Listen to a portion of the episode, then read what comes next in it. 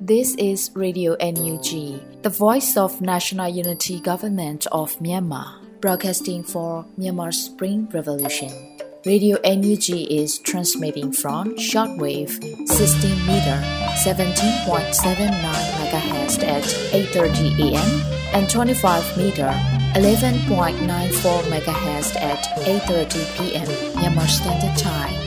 မင်္ဂလာပါရှင်။ မြို့သားညီညွတ်ရေးအစိုးရရဲ့အတန်လွန်ဌာန Radio NUG ကိုမနက်ပိုင်း၈နာရီခွဲမှာလိုင်းတူ16မီတာ19.89 MHz ညပိုင်း၈နာရီခွဲမှာလိုင်းတူ25မီတာ17.6 MHz တို့မှာဓာတ်ရိုက်ဖမ်းယူနိုင်စေနိုင်ပါရှင်။မင်္ဂလာအပေါင်းနဲ့ပြည့်စုံကြပါစေ။အခုချိန်ကစပြီး Radio NUG အစီအစဉ်လေးကိုဓာတ်ရိုက်အတန်လွှင့်ပေးနေပါပြီရှင်။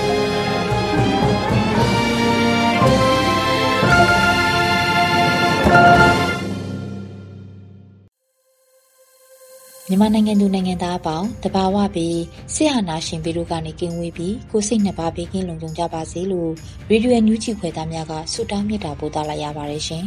။အခုချိန်ကစပြီးကာဝေးဝင်ကြီးဌာနရဲ့စီရေးသတင်းချင်းချုပ်ကိုတော့မောင်ကျူးမှဖတ်ကြားတင်ပြပေးပါတော့မယ်ရှင်။အမျိုးသားညီညွတ်ရေးအစိုးရကာဝေးဝင်ကြီးဌာနကထုတ်ပြန်တဲ့နေ့စဉ်စီးသတင်းချင်းချုပ်ကိုတင်ပြပါတော့မယ်ခင်ဗျာ။စီးရင်မြောက်ရ ရန်သူတပ်သား12ဦးသေဆုံးပြီး15ဦးဒဏ်ရာရရှိကြောင်းသိရှိရပါတယ်။အာဏာသိမ်းကျန်းဖက်စစ်တပ်နဲ့တိုက်ပွဲဖြစ်ပွားမှုသတင်းများကိုပထမဦးစွာတင်ပြပါမယ်ခင်ဗျာ။မွန်ပြည်နယ်မှာ2023ခုနှစ်ဇန်နဝါရီလ10ရက်နေ့နေ့လယ်တနာရီ40မိနစ်ခန့်က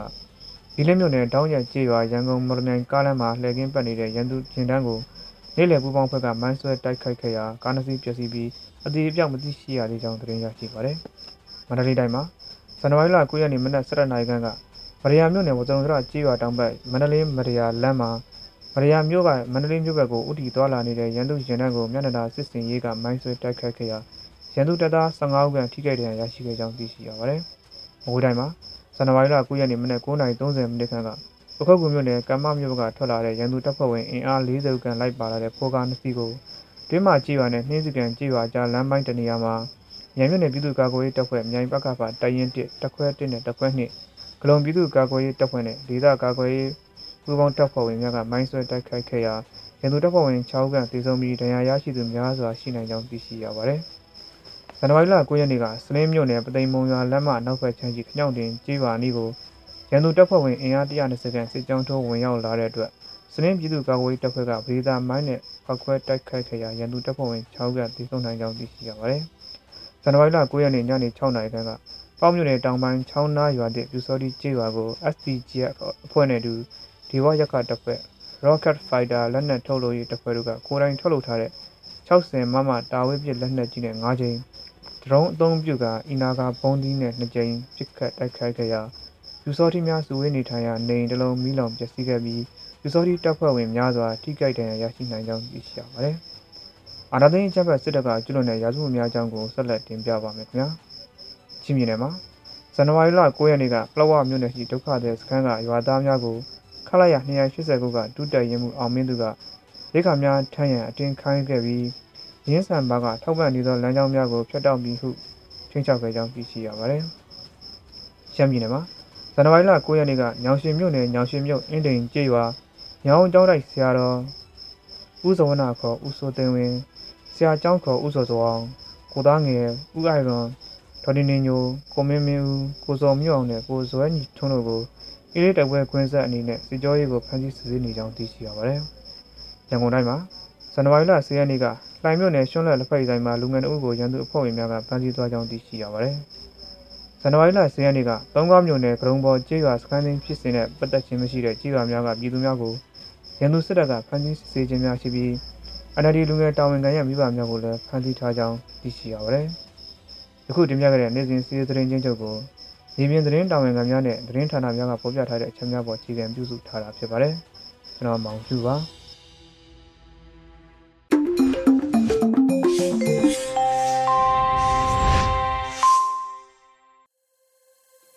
ဗီဒီယိုညွှန်ချီမှာဆက်လက်တင်ပြနေပါတယ်။အခုဆက်လက်ပြီးနောက်ဆုံးရသတင်းများကိုအရီမှဖတ်ကြားတင်ပြပေးပါရမရှင်။မင်္ဂလာမနက်ခင်းပါရှင်။ 2022ခုနှစ်ဇန်နဝါရီလ17ရက်နေ့ Radio NUG မနက်ခင်းပြည်တွင်းသတင်းတွေကိုတင်ပြပေးတော့မှာဖြစ်ပါတယ်။ကျွန်မကတော့အေရီပါရှင်။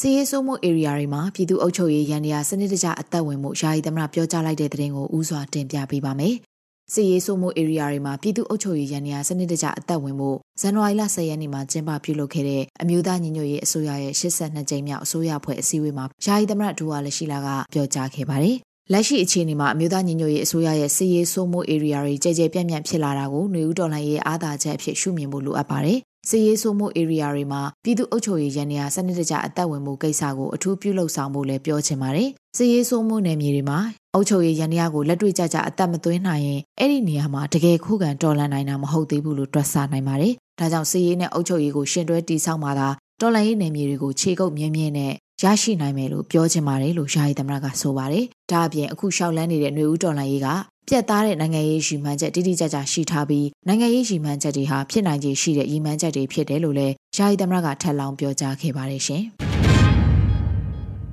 အခုဆက်လက်ပြီး NUG အစိုးရကိုအာမနာရန်ဝေဖန်အကြံပြုကြဖို့ယာယီသမရကဖိတ်ခေါ်လိုက်တဲ့သတင်းကိုတင်ပြပေးပါအောင်မယ်။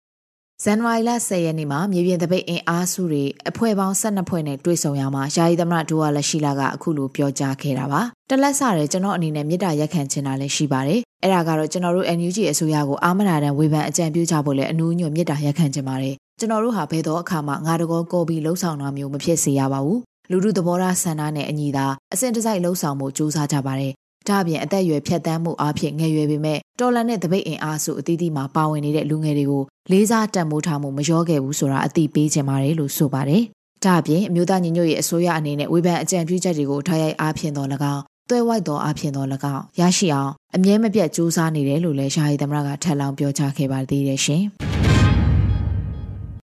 အကြမ်းဖက်စစ်အုပ်စုရဲ့ညှဉ်းပန်းနှိပ်စက်မှုတွေမတရားတပ်ဖြတ်မှုတွေနဲ့ပတ်သက်ပြီးကုလသမဂ္ဂအပါအဝင်နိုင်ငံတကာအဖွဲ့အစည်းတွေထံပေးပို့ပြီးတရားမျှတမှုဖော်ဆောင်မှုပြည်ထောင်စုဝန်ကြီးချုပ်ပြောကြားလိုက်တဲ့သတင်းကိုလည်းတင်ပြပေးပါအောင်မယ်။ဇန်နဝါရီလ10ရက်နေ့ကအမျိုးသားညီညွတ်ရေးအစိုးရရဲ့အစိုးရအဖွဲ့အစည်းအဝေးမှာပြည်ထောင်စုဝန်ကြီးချုပ်မန်ဝင်းခိုင်တန်းကအခုလိုပြောကြားခဲ့ပါတယ်။ပြီးခဲ့တဲ့9ရက်နေ့နဲ့6ရက်နေ့မှာဖြစ်ပွားခဲ့တဲ့ပသိမ်ထောင်တွင်အကြမ်းဖက်ညှဉ်းပန်းနှိပ်စက်မှုဖြစ်စဉ်ဟာဆိုရင်အကြမ်းဖက်စစ်အုပ်စုလက်အောက်ခံထောင်ဝန်ထမ်းတွေရဲ့ဆိုးရွားလွန်းတဲ့လူခွင့်ရေးချိုးဖောက်မှုဖြစ်စဉ်တစ်ခုဖြစ်ပါတယ်ဒါကြောင့်အမျိုးသားညီညွတ်ရေးအစိုးရအနေနဲ့အခုဖြစ်စဉ်အပါအဝင်အကျဉ်းထောင်အတွင်းအကြမ်းဖက်မှုတွေညှဉ်းပန်းနှိပ်စက်မှုတွေမတရားတပ်ဖြတ်မှုတွေနဲ့ပတ်သက်ပြီးမှတ်တမ်းတင်ထိန်းသိမ်းကသက်ဆိုင်ရာကုလသမဂ္ဂအပါအဝင်နိုင်ငံတကာအဖွဲ့အစည်းတွေထံကိုပေးပို့ခြင်းစသဖြင့်နီလန်အမျိုးမျိုးနဲ့တရားမျှတမှုဖော်ဆောင်မှုဆက်လက်ကြိုးပမ်းဆောင်ရွက်သွားမယ်လို့ကတိပြုပါတယ်လို့ဝန်ကြီးချုပ်ကဆိုပါတယ်။ဒါအပြင်တော်လန်ရေးဟာနေရာတိုင်းမှာအရှိန်ဟုန်နဲ့သွားနေချိန်မို့လို့တော်လန်ရေးအင်အားစုတွေဘက်ကအားတာမှုတွေအောင်မြင်မှုတွေကိုကြားသိရလို့ဝမ်းသာအားတက်မှုတွေဖြစ်ရတယ်လို့ ပြည်သူတွေပုံစံမျိုးစုံနဲ့ဒုက္ခခံနေရတာအသက်ဆုံးရှုံးမှုတွေဖြစ်နေရတာကိုကြားသိရတာအမတန်ဝမ်းနဲ့စိတ်မကောင်းဖြစ်ရပါတယ်လို့ဝန်ကြီးချုပ်ကထပ်လောင်းဆိုခဲ့ပါတယ်ရှင်။ဆက်လက်ပြီးချင်းပြည်နယ်ထန်တလန်အတွင်းကိုအကြမ်းဖက်စစ်တပ်ကလေကြောင်းတိုက်ခိုက်မှုပြုလုပ်ခဲ့ရမှာလူ၃ဦးသေဆုံးခဲ့ရတဲ့တဲ့တင်ကိုတင်ပြပေးပါမယ်။ ဇန်နဝါရီလ10ရက်နေ့ညနေ3:25မိနစ်အချိန်မှာစစ်ကောင်စီတပ်လေယာဉ်တွေကလေကြောင်းတိုက်ခိုက်မှုမှာဘုံကျဲချခဲ့တဲ့အတွက်လူ၃ဦးသေဆုံးခဲ့ရတယ်လို့ Chin Human Rights Organization ကထုတ်ပြန်ပါတယ်အိန္ဒိယစံတော်ချိန်ညနေ3:25မိနစ်ခန့်မှာဘုံငါးလုံးကျဲချခဲ့တဲ့အတွက်အ ਨੇ ဆုံးလူ3ဦးသေဆုံးပြီးအများအပြားဒဏ်ရာရရှိခဲ့ပါတယ်လို့ဖော်ပြထားပါတယ်။ပြစ်မှတ်တွေဟာနိုင်ငံတကာနယ်နိမိတ်မြင်းဘေးမှာတည်ရှိနေတာကြောင့်တိုက်လေယာဉ်တွေဟာအိန္ဒိယလေပိုင်နက်အတွင်းကိုပြန်တက်သွားဖွယ်ရှိတယ်လို့လည်းမျက်မြင်သက်သေတွေရဲ့ပြောကြားချက်မှာဖော်ပြထားပါတယ်။ အဆိုပါလေကြောင်းတိုက်ခိုက်မှုဟာချင်းပြည်နယ်ထန်တလန်မြို့နယ်အတွင်းကချင်းအမျိုးသားတပ်ဦးချင်းအမျိုးသားတပ်မတော် CNF CNA ဌာနချုပ်ကိုတိုက်ခိုက်တာဖြစ်တယ်လို့လည်းဒေသသတင်းတွေထွက်ပေါ်လျက်ရှိနေပါတယ်ရှင်။ဖဲခုံမြို့နယ်အနောက်ကရန်အုပ်စုအတွင်းအကြမ်းဖက်စစ်ကောင်စီတပ်ကတိုက်လေရင်နဲ့လာရောက်ချင်းချောက်ပြန်ဝဲခဲ့တဲ့အတွက်စာတင်ကြားနေတဲ့ចောင်းသားကလေးငယ်တွေပုံခုခဲ့ရတယ်ဆိုတဲ့သတင်းကိုလည်းတင်ပြပေးပါမယ်။ဒီဖြစ်ပျက်ကတော့ဇန်နဝါရီလ10ရက်နေ့မနက်၈နာရီမိနစ်40အတွင်းမှာဖြစ်ပွားခဲ့တာလို့ UKSY ကဖော်ပြပါဗျ။ ဖဲခုံမြို့နယ်အနောက်ကရန်အုပ်စုအတွင်းအကြမ်းဖက်စစ်ကောင်စီတပ်ကဒီနေ့မနက်၈နာရီမိနစ်40အတွင်းမှာတိုက်လေရင်နဲ့လာရောက်ချင်းချောက်ပြန်ဝဲခဲ့ပြီးနိုင်ဝက်ကျော်ကြာမြင့်ခဲ့တယ်လို့ဆိုပါတယ်။စစ်ကောင်စီတပ်ရဲ့နိုင်ဝက်ကျော်တိုက်လီရင်ပြန်တမ်းမှုကြောင့်ចောင်းတက်နေတဲ့ចောင်းသားចောင်းသူတွေထွက်ပြေးတိမ်းရှောင်ပုံခုခဲ့ရတယ်လို့လည်းသိရှိရပါတယ်ရှင်။မုံရွာနာမခကနေစစ်ကောင်စီတပ်တွေလိုက်ပါလာတဲ့အမြန်ရေရင်ကိုကာကွယ်ရေးတပ်တွေဝိုင်းဝန်းတိုက်ခိုက်ခဲ့တဲ့တဲ့တင်ကိုလည်းဆက်လက်တင်ပြပေးပါမယ်။ ဇန်နဝါရီလ10ရက်နေ့မနက်9:00နာရီမိနစ်40အချိန်မှာစုံစင်းလာတဲ့အမြန်ရင်တစည်းကိုတိုက်ခိုက်ခဲ့တယ်လို့ Black Shadow PDF ကအတည်ပြုပြောဆိုပါတယ်ဇန်နဝါရီလ10ရက်မနက်9:40အချိန်နာမခကစစ်ကောင်စီတပ်တွေစုံစင်းလာတဲ့အမြန်ရင်တစည်းကို point အသီးသီးခွဲကတိုက်ခိုက်ခဲ့ပါတယ်လို့ဆိုထားပါတယ်။စစ်စင်ရေးကို Black Shadow PDF နဲ့ Black Volt Fighter အဖွဲ့စလင်းကြီး GZ People's Defense Force အဖွဲ့အပါအဝင်တခြားမဟာမိတ်ညီနောင်အဖွဲ့တွေပါဝင်ခဲ့တယ်လို့လည်းသိရှိရပါတယ်။ ရေရင်ထိခိုက်ပျက်စီးမှုအသေးစိတ်ကိုတော့အတီးပြုစုံစမ်းနေစေဖြစ်တယ်လို့လည်းသိရှိရပါတယ်ရှင်။အကြံဖက်စစ်ကောင်စီရဲ့တရားမဝင်ရွေးကောက်ပွဲမှာပူးပေါင်းပါဝင်ခြင်းမပြုကြဖို့စိတ်ဖြူမျိုးနဲ့ပြည်သူ့အုပ်ချုပ်ရေးအဖွဲ့ကတတိပေးထုတ်ပြန်လိုက်တဲ့သတင်းကိုလည်းတင်ပြပေးပါမယ်။ဇန်နဝါရီလ10ရက်နေ့မှာအမိန့်ကြီးညာစာအမှတ်တင်မြင့်ဆောင်2023ကိုစိတ်ဖြူမျိုးနဲ့ပြည်သူ့အုပ်ချုပ်ရေးအဖွဲ့ကအတိပေးထုတ်ပြန်ခဲ့ပါတယ်။ အကြံဖက်စစ်ကောင်စီရဲ့တရားမဝင်အထူးရောင်ရွေးကောက်ပွဲအတွက်စိတ်ဖြူမျိုးနယ်အတွင်းမှာစစ်ကောင်စီလက်ကင်ထုတ်တွေဖြစ်တဲ့အုပ်ချုပ်ရေးအဖွဲ့တွေနဲ့လာဝကအဖွဲ့တွေကလူဦးရေနဲ့တကောင်စင်းတွေကိုအတင်းကျပ်ကောက်ခံနေတယ်လို့သိရှိရပါတယ်လို့ဖော်ပြထားပါတယ်အဆိုပါအကြမ်းဖက်စစ်ကောင်စီရဲ့တရားမဝင်အတူရောင်ရွေးကောက်ပွဲနဲ့ပတ်သက်ပြီးစိတ်ဖြူမျိုးနယ်ပြည်သူ့အုပ်ချုပ်ရေးအဖွဲ့အနေနဲ့အမျိုးသားညီညွတ်ရေးအစိုးရပြည်ထောင်စုနဲ့လူဝင်မှုကြီးကြပ်ရေးဝန်ကြီးဌာနအမိန့်ကြေညာစာအမှတ်2မြင်းဆောင်2023နဲ့အညီထုတ်ပြန်ကြေညာလိုက်တယ်လို့ဖော်ပြထားပါတယ်။ အဆိုပါထုတ်ပြန်ချက်မှာပြည်သူတွေအနေနဲ့ဇန်နဝါရီလ9ရက်နေ့ကနေ31ရက်နေ့အထိအကြမ်းဖက်ဖက်စစ်စစ်အုပ်စုရဲ့တအိမ်တက်စင်လူရည်စရင်ကောက်ယူခြင်းလုပ်ငန်းစဉ်ကိုညှင်းဆန်၍မပူးပေါင်းကြရန်မြစ်တာရက်ခံအပ်ပါတယ်တဲ့အိမ်တက်စင်မြေပြင်လူဦးရေစီရင်ကောက်ယူနိုင်ရေးအတွက်အားပေးအားမြောက်ပြုဆောင်ရွက်ကြတဲ့အကြမ်းဖက်ဖက်စစ်စစ်အုပ်စုရဲ့အုပ်ချုပ်ရေးအဖွဲ့တွေလာဝကအဖွဲ့တွေနဲ့တခြားမြည်သည့်ထောက်တိုင်းဆိုအကြမ်းဖက်တိုက်ဖြတ်ရေးဥပဒေနဲ့ပြင်းပြင်းထန်ထန်အရေးယူဆောင်ရွက်သွားမှာဖြစ်တယ်လို့စိတ်ဖြူမျိုးနယ်ပြည်သူ့အုပ်ချုပ်ရေးအဖွဲ့ကကြေညာထားပါတယ်ရှင်။ တက်လက်ပြီးတပင်းမြို့နယ်အင်းနိုင်လေးကျေးရွာမှာအကြမ်းဖက်စစ်ကောင်စီတပ်တွေကကျေးရွာကိုမိရှို့ဖျက်ဆီးမှုကြောင့်မတိန်ရှောင်နိုင်တဲ့အဖိုးအိုတအူမိလောင်သေဆုံးခဲ့ရတဲ့တဲ့ရင်ကိုတင်ပြပေးပါမယ်ဒီဖြစ်စဉ်ကိုတပင်းမြို့နယ်ညီနောင်များအဖွဲ့ကဇန်နဝါရီလ10ရက်နေ့မှာအတိပေးထုတ်ပြန်ခဲ့တာဖြစ်ပါတယ်။အင်းနိုင်လေးကျေးရွာမှာအကြမ်းဖက်စစ်ကောင်စီတပ်တွေကျေးရွာကိုမိရှို့ဖျက်ဆီးတာကြောင့်မတိန်ရှောင်နိုင်တဲ့အဖိုးတအူမီလောင်သေဆုံး dead body တွေ့ရှိရပါတယ်လို့ဆိုပါတယ်။တပင်းမြို့နယ်အတွင်းစစ်ကောင်စီတပ်က2022ခုနှစ်ဒီဇင်ဘာလတလအတွင်း ကျွေးရွာပေါင်း22ရွာမှာအင်ဂျီစုစုပေါင်း2900ကျော်ကိုမိရှို့ဖျက်ဆီးခဲ့ပြီးအာနာသိမ့်ပြီးချိန်ကစလို့အခုချိန်ထိတပင်းမြို့နယ်မှာနေအိမ်စုစုပေါင်း4200ကျော်မီးရှို့ခံခဲ့ရပြီးဖြစ်တဲ့အတွက်စကိုင်းတိုင်းအတွင်းပျက်စီးဆုံးရှုံးမှုအများဆုံးမြို့နယ်ဖြစ်လာခဲ့ပါတယ်ရှင်။ဆက်လက်ပြီးစကိုင်းတိုင်းမြောင်မြို့နယ်မှာကင်းပတ်နေတဲ့စစ်ကောင်စီတပ်တွေကိုမိုင်းခွဲတိုက်ခိုက်ရမှာတအူးတေဆုံးပြီးတအူးပြင်းထန်စွာဒဏ်ရာရရှိခဲ့တဲ့တဲ့တင်ကိုတင်ပြပေးပါမယ် ဇန်နဝါရီလ10ရက်နေ့မနက်9:30မိနစ်30အချိန်မှာစကိုင်းတိုင်းမြောင်မြို့နယ်ကြောက်ရစ်ကျေးရွာမြောက်ဘက်မှာကင်းပတ်နေတဲ့စစ်ကောင်စီတပ်တွေကိုမိုင်းခွဲတိုက်ခိုက်ခဲ့တယ်လို့စကိုင်းခရိုင်တပ်ရင်းအမှတ်၄ MSPDF ကအတည်ပြုပြောဆိုပါတယ်။ဇန်နဝါရီလ10ရက်နေ့မနက်9:30မိနစ်30အချိန်ခန့်တွင်စကိုင်းတိုင်းမြောင်မြို့နယ်ကြောက်ရစ်ကျေးရွာမြောက်ဘက်တွင်ကင်းပတ်နေသောစစ်ကောင်စီတပ်များအား စကိုင်းခရိုင်တပ်ရင်းအမှတ်၄ MSPDF မှဖရဲသီးချူချိုလေးကျွေးခဲ့ရာစစ်ကောင်စီတပ်ကတအူနေရာတွင်ပွဲချင်းပြီးတေဆုံးခဲ့ပြီးတအူမှထိခိုက်မှုပြင်းထန်ဒဏ်ရာရရှိခဲ့ပါတယ်လို့ဆိုပါတယ်။အကြမ်းဖက်စစ်တပ်ကလက်နက်ကြီးနဲ့ပြန်လည်ပစ်ခတ်ခဲ့ပြီးမြဲပြည်သူ့ကာကွယ်ရေးရဲဘော်တွေအထိခိုက်မရှိပြန်လည်ဆုတ်ခွာလာနိုင်ခဲ့တယ်လို့လည်းသိရှိရပါတယ်ရှင်။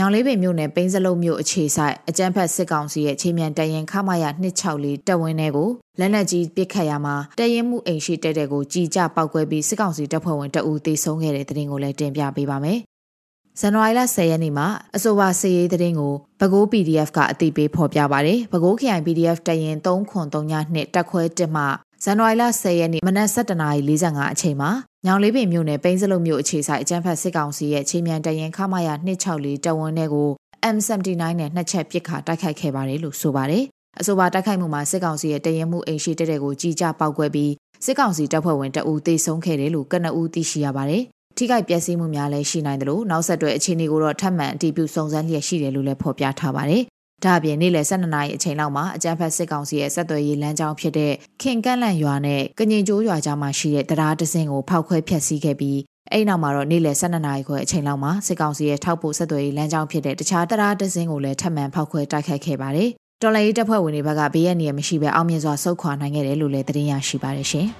။အခုတင်ပြပေးခဲ့တဲ့သတင်းတွေကိုတော့ Radio NUG သတင်းတောင်မင်းမင်းကပေးပို့ထားတာဖြစ်ပါတယ်ရှင်။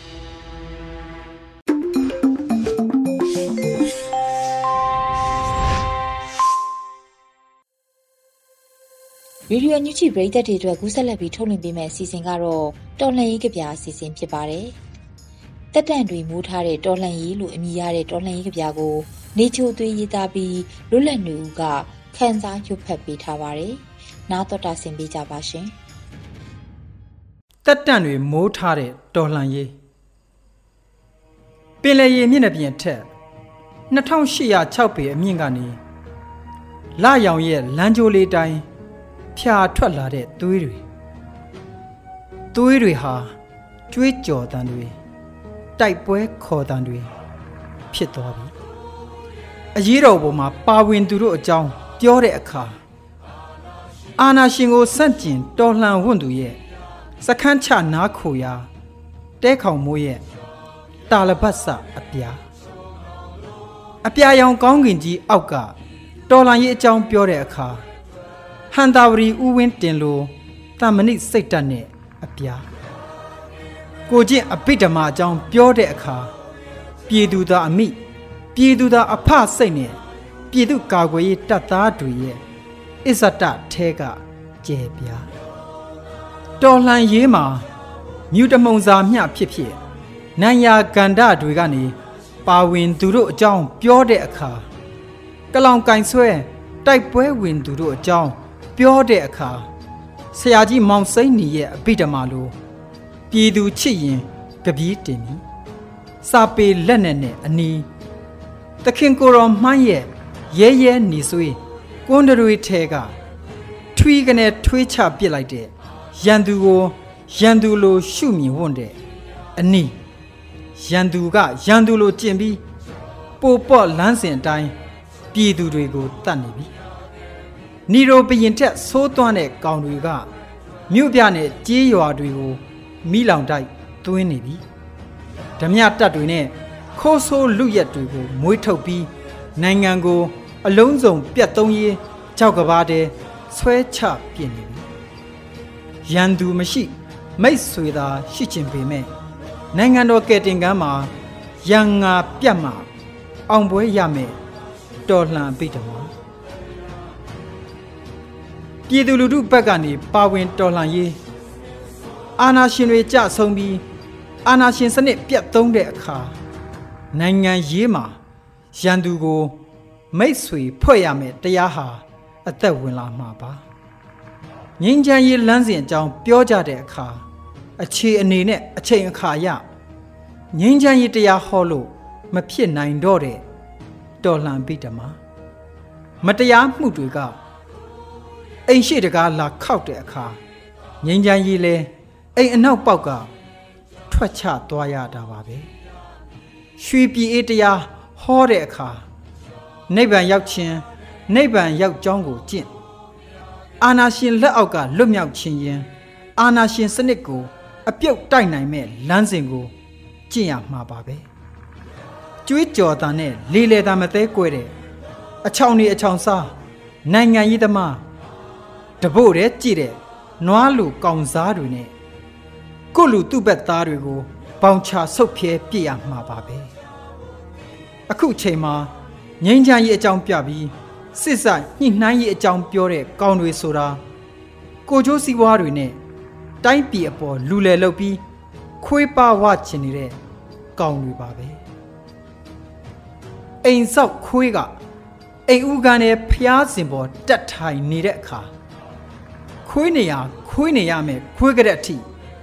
ရိုက်ထုတ်ပြရမှာပါပဲဖက်စစ်တွေပါတဲ့စစ်တပ်အာနာအတွက်ပြည်သူ့ဘက်တနတ်ပြောင်းလှည့်ခဲ့တဲ့ဖက်စစ်စစ်တပ်ကိုအမြင့်ဖြတ်ပြရမှာပါပဲအာယုံတော်ຫນွေဦးမှာ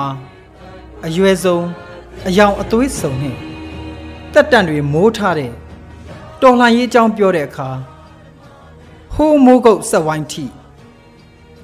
ပန်းမျိုးစုံဖူးပွင့်မှုေးပြန့်တဲ့ဖက်ဒရယ်ပြည်ထောင်စု နိုင်ငံတစ်ခုကို ပြုစုပြိုးထောင်မယ်ခွင့်တူညီမျှဝါဒဖြူစင်မှုတွေနဲ့ပျော်စရာအတိပြီးတဲ့နိုင်ငံတော်ကြီးကိုတီဆောက်ဖို့လက်ပြလုံအောင် နေနီးသေနီးနဲ့တော်လန်ရေးကြီးနဲ့ခြိတက်လာခဲ့ပြီနေချိုသွေး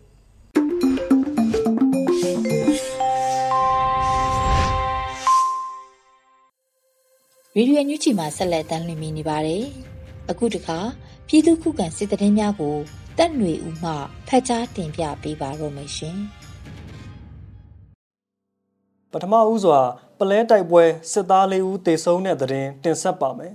စကိုင်းတိုင်းပလဲမြို့ပေါ်ရှိမြို့နယ်ထွေအုပ်ရုံးရဲစခန်းနဲ့မြသိန်းတန်စေတီအနီးရှိအကျန်းဖက် စစ်ကောင်စီကင်ပုံးနေရာ၃ခုကိုတပြိုင်တည်းဝင်ရောက်တိုက်ခိုက်ရာအကြမ်းဖက်စစ်သား၄ဦးသေဆုံးခဲ့ကြောင်း M7 People Defense Army ကဆိုပါတယ်။ဇန်နဝါရီလ9ရက်နနက်အစောပိုင်း3နာရီခန့်ကအဆိုပါနေရာ၃ခုကိုစစ်ကြောင်း၃ကြောင်းခွဲကာဝင်ရောက်တိုက်ခိုက်ခဲ့ခြင်းဖြစ်ပြီးအပြန်အလှန်ပစ်ခတ်မှု2နာရီခန့်ကြာမြင့်ခဲ့ကအကြမ်းဖက်စစ်သား၄ဦးသေဆုံးပြီး2ဦးအပြင်းထန်ဒဏ်ရာရရှိခဲ့ကပြည်သူ့ကာကွယ်ရေးတပ်ဖွဲ့ဝင်များအထိကိမရှိဘဲ နနက်မိုးလင်း6နာရီခန့်တွင် ပြန်လည်ဆုတ်ခွာနိုင်ခဲ့ကြောင်းပလဲမြို့ပေါ်တွင်အကြမ်းဖက်စစ်ကောင်စီတပ်မှအင်အားနည်းနေပြီးတပ်ပြတ်နေကြောင်း M7 People Defense Army ကဆိုပါတယ်။ဆက်လက်ပြီးမြိုင်တွင်စကားဆစစ်ကြောင်းကိုမိုင်းဆွဲတိုက်ခတ်ခဲ့တဲ့တဲ့ရင်ကိုတင်ဆက်ပေးပါမယ်။မကွေးတိုင်းမြိုင်မြို့နယ်တွင်စစ်ကြောင်းနှင့်စစ်ကားကိုမိုင်းဆွဲတိုက်ခိုက်မှုစစ်သား6ဦးသေဆုံးခဲ့ကြောင်းမြိုင်မြို့နယ်ပြည်သူ့ကာကွယ်ရေးအဖွဲ့ကဆိုပါတယ်။ ဇန်နဝါရီလ9ရက်နေ့ည8:48မိနစ်တွင်ညကင်းလှည့်ပြီးတနက်ပစ်ဖောက်လာသည့်စစ်သားနှင့်တွင်းမရွာပြူစောဒီအဖွဲ့ကိုမိုင်း73လုံးဖြင့်တွင်းမရွာအဆက်တွင် ဖောက်ခွဲတိုက်ခိုက်ခဲ့ကြောင်းဇန်နဝါရီလ9ရက်နေ့နနက်10:03မိနစ်တွင်ပခုတ်ကူမှထွက်လာသည့်စစ်သားနှင့်ပြူစောဒီများလိုက်ပါလာသောဖော်ကားကိုတွင်းမရွာပြူစောဒီစခန်းနှင့်တရက်ကန်ရွာပြူစောဒီစခန်းကြားတွင်ရှစ်ထွက်မိုင်း10လုံး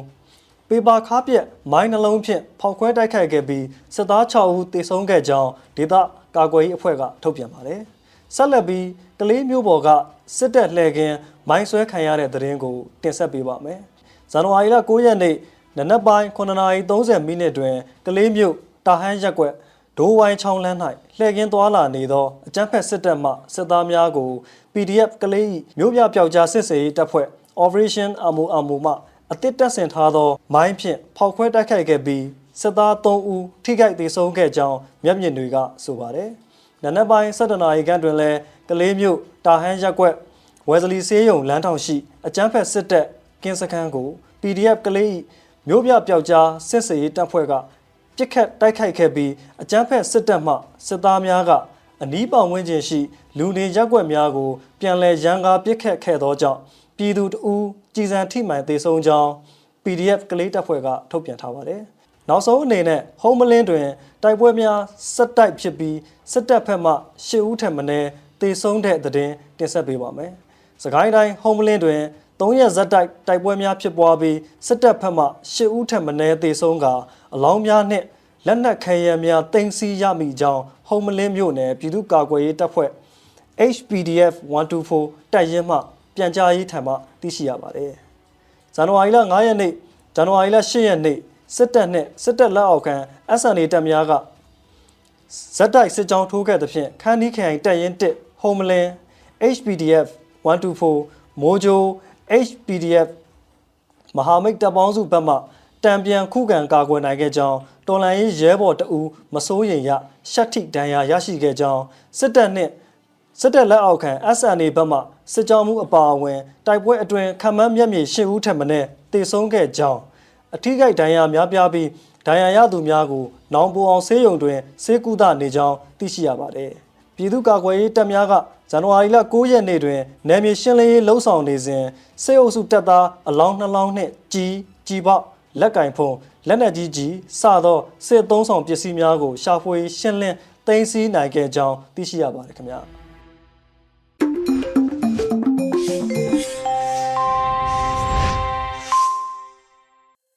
ရေဒီယိုအန်ယူဂျီပရိသတ်တွေအတွက်ကူးဆက်လက်ပြီးထုတ်လွှင့်ပေးမယ့်အစီအစဉ်ကတော့ PPTV ရဲ့နေ့စဉ်သတင်းများဖြစ်ပါတယ်။ထက်ထက်အင်ဒရာအောင်မှဖတ်ကြားတင်ပြပေးပါမယ်ရှင်။အခုချိန်ကစပြီး PPTV သတင်းတွေကိုတင်ဆက်ပေးတော့မှာပါ။စစ်မထက်ထက်အင်ဒရာအောင်ပါ။ပထမဆုံးတင်ဆက်ပေးမှာကအကြမ်းဖက်စစ်ကောင်စီကပြုလုပ်တဲ့တရားမဝင်အတူရောင်ရွေးကောက်ပွဲမှာပူပေါင်းပါဝင်ခြင်းမပြုလုပ်ကြဖို့အတွက်ပြည်ထရေးနဲ့လူဝင်မှုကြီးကြပ်ရေးဝန်ကြီးဌာနကကြေညာချက်ထုတ်ပြန်တဲ့သတင်းမှာ အကြမ်းဖက်စစ်ကောင်စီကပြုလုပ်တဲ့တရားမဝင်အတူရောင်ရွေးကောက်ပွဲမှာပူးပေါင်းပါဝင်ခြင်းမပြုလုပ်ကြဖို့အတွက်ပြည်ထောင်နယ်လွှဲမှုကြီးကြပ်ရေးဝန်ကြီးဌာနကဇန်နဝါရီလ9ရက်ညပိုင်းမှာကြေညာချက်တစ်စောင်ထုတ်ပြန်လိုက်ပါတယ်။ကြေညာချက်ထဲမှာမင်းအောင်လှိုင်ဦးဆောင်တဲ့အကြမ်းဖက်ဖက်စစ်စေအုပ်စုကတရားမဝင်အတူရောင်ရွေးကောက်ပွဲအတွက်ဇန်နဝါရီလ9ရက်ကနေ31ရက်နေ့ထိ23ရက်တာတိန်တဆင်လူဦးရေစရင်ကောက်ယူသွားရန်ဆောင်ရွက်လျက်ရှိပေမဲ့ တချို့သောနေရာတွေမှာဇန်နဝါရီလ9ရက်နေ့ကတည်းကအကြမ်းဖက်စစ်ကောင်စီရဲ့လက်ကင်တုပ်တွေဖြစ်တဲ့အုပ်ချုပ်ရေးအဖွဲ့တွေနဲ့လဝကအဖွဲ့တွေကလူဦးရေနဲ့တကောင်စီရင်တွေကိုအတိအကျကောက်ခံနေပြီးဖြစ်တယ်ဆိုတာကိုသိရှိရကြောင်းဖော်ပြထားပါတယ်။အကြမ်းဖက်ဖက်စစ်စေအုပ်စုရဲ့တရားမဝင်အတူရောင်ရွေးကောက်ပွဲနဲ့ပတ်သက်ပြီးအမျိုးသားညီညွတ်ရေးအစိုးရပြည်ထရေးနဲ့လူဝင်မှုကြီးကြပ်ရေးဝန်ကြီးဌာနအနေနဲ့အချက်နှစ်ချက်ကိုအတိပေးထုတ်ပြန်လိုက်ပါတယ်။ အဲ့ဒီအချက်တွေကတော့ပြည်သူတွေအနေနဲ့ဇန်နဝါရီလ9ရက်နေ့ကနေ31ရက်နေ့အထိအကြမ်းဖက်စေအုပ်စုရဲ့တိန်တဆင်လူရည်စရင်ကောက်ယူခြင်းလုပ်ငန်းစဉ်ကိုညှင်းဆန်ပြီးမပူပေါင်းကြရန်မြစ်တာရက်ခံနေဆိုတာနဲ့တိန်တဆင်မြေပြင်လူဦးရေစရင်ကောက်ယူနိုင်ရေးအတွက်အပိအမြောက်ပြုလှုံ့ဆော်ရကြတဲ့ အကြမ်းဖက်စေအိုစုရဲ့အုပ်ချုပ်ရေးအဖွဲ့များလာဝကအဖွဲ့များနဲ့တခြားမြည်သည့်တောက်တိုင်မဆိုးအကြမ်းဖက်မှုတိုက်ဖျက်ရေးဥပဒေနဲ့ပြင်းပြင်းထန်ထန်တရားစွဲဆိုအရေးယူဆောင်ရွက်သွားမှာဆိုတဲ့အချက်တွေဖြစ်ပြီးပြည်ထရေးနဲ့လူဝင်မှုကြီးကြပ်ရေးဝန်ကြီးဌာနပြည်ထောင်စုဝန်ကြီးဦးလင်ကိုလက်အမိန့်နဲ့ထုတ်ပြန်လိုက်တာလည်းဖြစ်ပါတယ်။ဆလတ်တင်ဆက်ပေးမှာကပသိမ်ထောင်တွင်အကြမ်းဖက်ညှဉ်းပန်းနှိပ်စက်မှုနဲ့ပတ်သက်ပြီး AR တိုင်းစစ်တီတောက်ကွဲကွက်ကဲရေးအဖွဲ့ကကြေညာချက်ထုတ်လိုက်တဲ့သတင်းမှာ အကြမ်းဖက်စစ်ကောင်စီကပသိမ်ထောင်တွင်မှာနိုင်ငံရေးအကျဉ်းသားတွေကိုအကြမ်းဖက်ညှဉ်းပန်းနှိပ်စက်မှုနဲ့ပတ်သက်ပြီးတော့အမျိုးသားညီညွတ်ရေးအစိုးရကာကွယ်ရေးဝန်ကြီးဌာန AR တိုင်းစစ်တီတောက်ကွဲကွက်ကဲရေးအဖွဲ့ကဇန်နဝါရီလ9ရက်ရက်စွဲနဲ့ကြေညာချက်ထုတ်ပြန်လိုက်ပါတယ်။ကြေညာချက်ထဲမှာပသိမ်အချင်းထောင်တွင်2023ခုနှစ်ဇန်နဝါရီလ9ရက်မှာအကြမ်းဖက်စစ်အုပ်စုရဲ့လက်အောက်ခံထောင်အာဏာပိုင်တွေကမတရားဖမ်းဆီးခံနိုင်ငံရေးအကျဉ်းသားတွေကိုလူကိုတေးစေနိုင်တဲ့လက်နက်တွေနဲ့ပြစ်ခတ်ခြင်းအတံပုံးခွဲခြင်း အုပ်စုလိုက်ဝိုင်းဝန်းရိုက်နှက်ခြင်းလက်ပြန်ကျိုးတုပ်ပြီးအပြင်းထန်ရိုက်နှက်ခြင်းတို့ကြောင့်နိုင်ငံရေးအကျဉ်းသားအနည်းဆုံးတအူးသေဆုံးခဲ့ရပြီးပျောက်ဆုံးသူတအူးနဲ့နိုင်ငံရေးအကျဉ်းသားအများအပြားထိခိုက်ဒဏ်ရာရရှိခဲ့ပြီးတော့အသက်အန္တရာယ်စိုးရိမ်ရသူတွေလည်းရှိတယ်ဆိုပြီးဖော်ပြထားပါတယ်။ဒီလောက်ရက်တွေကအကျဉ်းထောင်လှုပ်ထုံးလုံနည်းများကိုကြော်လွန်ပြီးလှုပ်ဆောင်နေတာဖြစ်ပြီးတော့မတရားညှဉ်းပန်းနှိပ်စက်မှုနဲ့ဥရိမတ်တပ်ဖြတ်တာဖြစ်တဲ့ကြီးမားတဲ့ရာဇဝတ်မှုကိုပါကျူးလွန်လိုက်တဲ့လုပ်ရက်ဖြစ်တဲ့ဆိုတာနဲ့ ထောင်တွင်းအကြမ်းဖက်နှိပ်စက်မှုမှာအင်အား90ခန့်ရှိတဲ့ထောင်အာဏာပိုင်နဲ့ထောင်ဝင်တဲ့များရဲနဲ့တပ်ရဲပြေအကျဉ်းချနေသူများပါဝင်ကျူးလွန်ခဲ့တာဆိုပြီးတော့ဖော်ပြခဲ့ပါတယ်။ အကြမ်းဖက်စေအုပ်စုရဲ့အမာခံထောက်တိုင်တွေဖြစ်တဲ့တရားသူကြီးများစစ်သားများရဲများအကျဉ်းဦးစီးဌာနဝန်ထမ်းတွေကစေအုပ်စုအလိုကျမတရားဖမ်းဆီးခြင်းဥရိမဲ့မတရားပြစ်ဒဏ်များချမှတ်ခြင်းနိုင်ငံရေးအကျဉ်းသားများအားရည်ရွယ်ချက်ရှိရှိနဲ့ညှဉ်းပန်းနှိပ်စက်ခြင်းအနိုင်ကျင့်စော်ကားခြင်းများပြုလုပ်လျက်ရှိနေတယ်လို့လည်းထုတ်ပြန်ချက်မှာဖော်ပြထားပါတယ်။ ခုနောက်ဆုံးအနေနဲ့မြန်မာနိုင်ငံတဝန်ကလူမျိုးပေါင်းစုံဘာသာပေါင်းစုံပါဝင်တဲ့ဆရာနာရှင်အမြင့်ပြည့်ချေမုံရေးလူလူဆန္ဒပြပွဲသတင်းတွေကိုစူးစီးတင်ဆက်ပေးမှာပါ။ရမပင်အရှိချမ်းမှာတော်လန်ပြည်သူတွေရဲ့ကက်တင်ရှင်မရှာဒိုချီဝါတပိတ်ကအကြမ်းဖက်စစ်တပ်ကြရှုံရေးညနေစီစာတပိတ်ပြုလုပ်ခဲ့ပါတယ်။တော်လန်ပြည်သူတွေကကယ်ရီရှင်မရှာဒိုကြီးရွာဆိုတဲ့စာသားတွေကင်ဆွဲပြီးဆရာနာရှင်ကြာရှုံးရင်ဟစ်ကြွေးမှုတွေနဲ့ချီတက်ခဲ့တာပါဆလင်းကြီးမြို့နယ်ရဲ့အာမန်တစ်လူလူတွေဦးဆောင်တဲ့ အာမန်တစ်တပိတ်စစ်ကြောင်းကအကြမ်းဖက်စစ်တဲ့ကြာရှုံးရင်ညနေခင်းတပိတ်ပြုလုပ်ခဲ့ပါတယ်တော်လန်ပြည်သူတွေကလွတ်လပ်ချင်းတွေရှင်တန်မှုအာဏာရှင်မှန်သမျှတော်လန်စိုးဆိုတဲ့စသားကိုကိုက်ဆွဲပြီးတော့ချီတက်ခဲ့ကြတာပါ။ရဲမှတ်ပင်မြို့နယ်ရွှေနွယ်သွေးတပိတ်စစ်ကြောင်းက606ရက်မြောက်အဖြစ်ဆီယနာရှင်စက်ကြီးဆက်နာပြတပိတ်ပြုလုပ်ခဲ့ပါတယ်။ဒေါ်လန်ပြည်သူတွေကရွှေနွယ်သွေးတပိတ်စစ်ကြောင်းဆိုတဲ့စသားကိုကိုက်ဆောင်ပြီးတော့ချီတက်ခဲ့တာပါ။ ရင်းမပင်မြို့နယ်မြောက်ချမ်းဆီယနာရှင်စံကြည်ရေးတပိတ်အင်အားစုတွေကလည်းဒီကနေ့မှအကြမ်းဖက်စစ်တပ်ကြရှုံရေးဆန္ဒပြတပိတ်ပြုလုပ်ခဲ့ပါတယ်။တော်လှန်ပြည်သူတွေကတရားမဝင်ရွေးကောက်ပွဲဖြင့်ဖက်စစ်စစ်တပ်ကိုထွက်ပေါက်မပြီးကြီးဆိုတဲ့စာသားကိုကိုက်ဆွဲပြီးတော့ချီတက်ဆန္ဒပြလှည့်လည်ခဲ့တာပါ။ရင်းမပင်မြို့နယ်မြောက်ချမ်းကြေးရွာရဲ့လူလူတပိတ်ကအကြမ်းဖက်စစ်တပ်ကြာရှုံးရေးဆန္ဒပြတပိတ်ပြုလုပ်ခဲ့ပါတယ်။တော်လှန်ပြည်သူတွေကအလန့်နေကင်ဆွဲပြီးအကြမ်းဖက်စစ်တပ်ကြာရှုံးရေးဟစ်ကြွေးမှုတွေနဲ့ဆန္ဒပြချီတက်ခဲ့တာပါ။ ဒေသခံတော်လှန်ပြည်သူတွေကနေမြေမငြိမ်သက်မှုတွေကြားတွေကနေပဲအကြမ်းဖက်စစ်တပ်ကြာရှုံးရေးဆန္ဒပြတပိတ်ကိုနေ့စဉ်ပြုလုပ်နေကြပါတယ်။ဒီကနေ့ကတော့ဒီညနဲ့ပဲ Radio NUG ရဲ့အစီအစဉ်လေးကိုခਿੱတရနာလိုက်ပါမယ်ရှင်။မြန်မာစံတော်ချိန်မနက်၈နာရီခွဲနဲ့ည၈နာရီခွဲအချိန်တွေမှာပြန်လည်ဆုံတွေ့ကြပါစို့။ Radio NUG ကိုမနက်ပိုင်း၈နာရီခွဲမှာလိုင်းတူ16မီတာ19.8 MHz ညပိုင်း၈နာရီခွဲမှာလိုင်းတူ25မီတာ 17.6 MHz တို့မှာဓာတ်ရိုက်ဖမ်းလို့နိုင်စေနိုင်ပါပြီ။မြန်မာနိုင်ငံသူနိုင်ငံသားတွေကိုစိတ်နှပြကျန်းမာချမ်းသာလို့ဘေးကင်းလုံခြုံကြပါစေလို့ Radio NUG အဖွဲ့သူဖွဲ့သားတွေကဆုတောင်းမြတ်တာပို့တာလိုက်ရပါတယ်ရှင်။မြေသားညီမတွေအစိုးရရဲ့စက်သွေးရေးသတင်းအချက်အလက်တွေမျိုးပညာဝန်ကြီးဌာနကထုတ်လွှင့်နေတဲ့ Radio NUG ဖြစ်ပါတယ်။ San Francisco Bay Area အခြေစိုက်မြန်မာမိသားစုတွေနဲ့နိုင်ငံတကာကစေတနာရှင်လို့အားပေးနေတဲ့ Radio NUG ဖြစ်ပါတယ်။ အရေးတော်ပုံအောင်ရမည်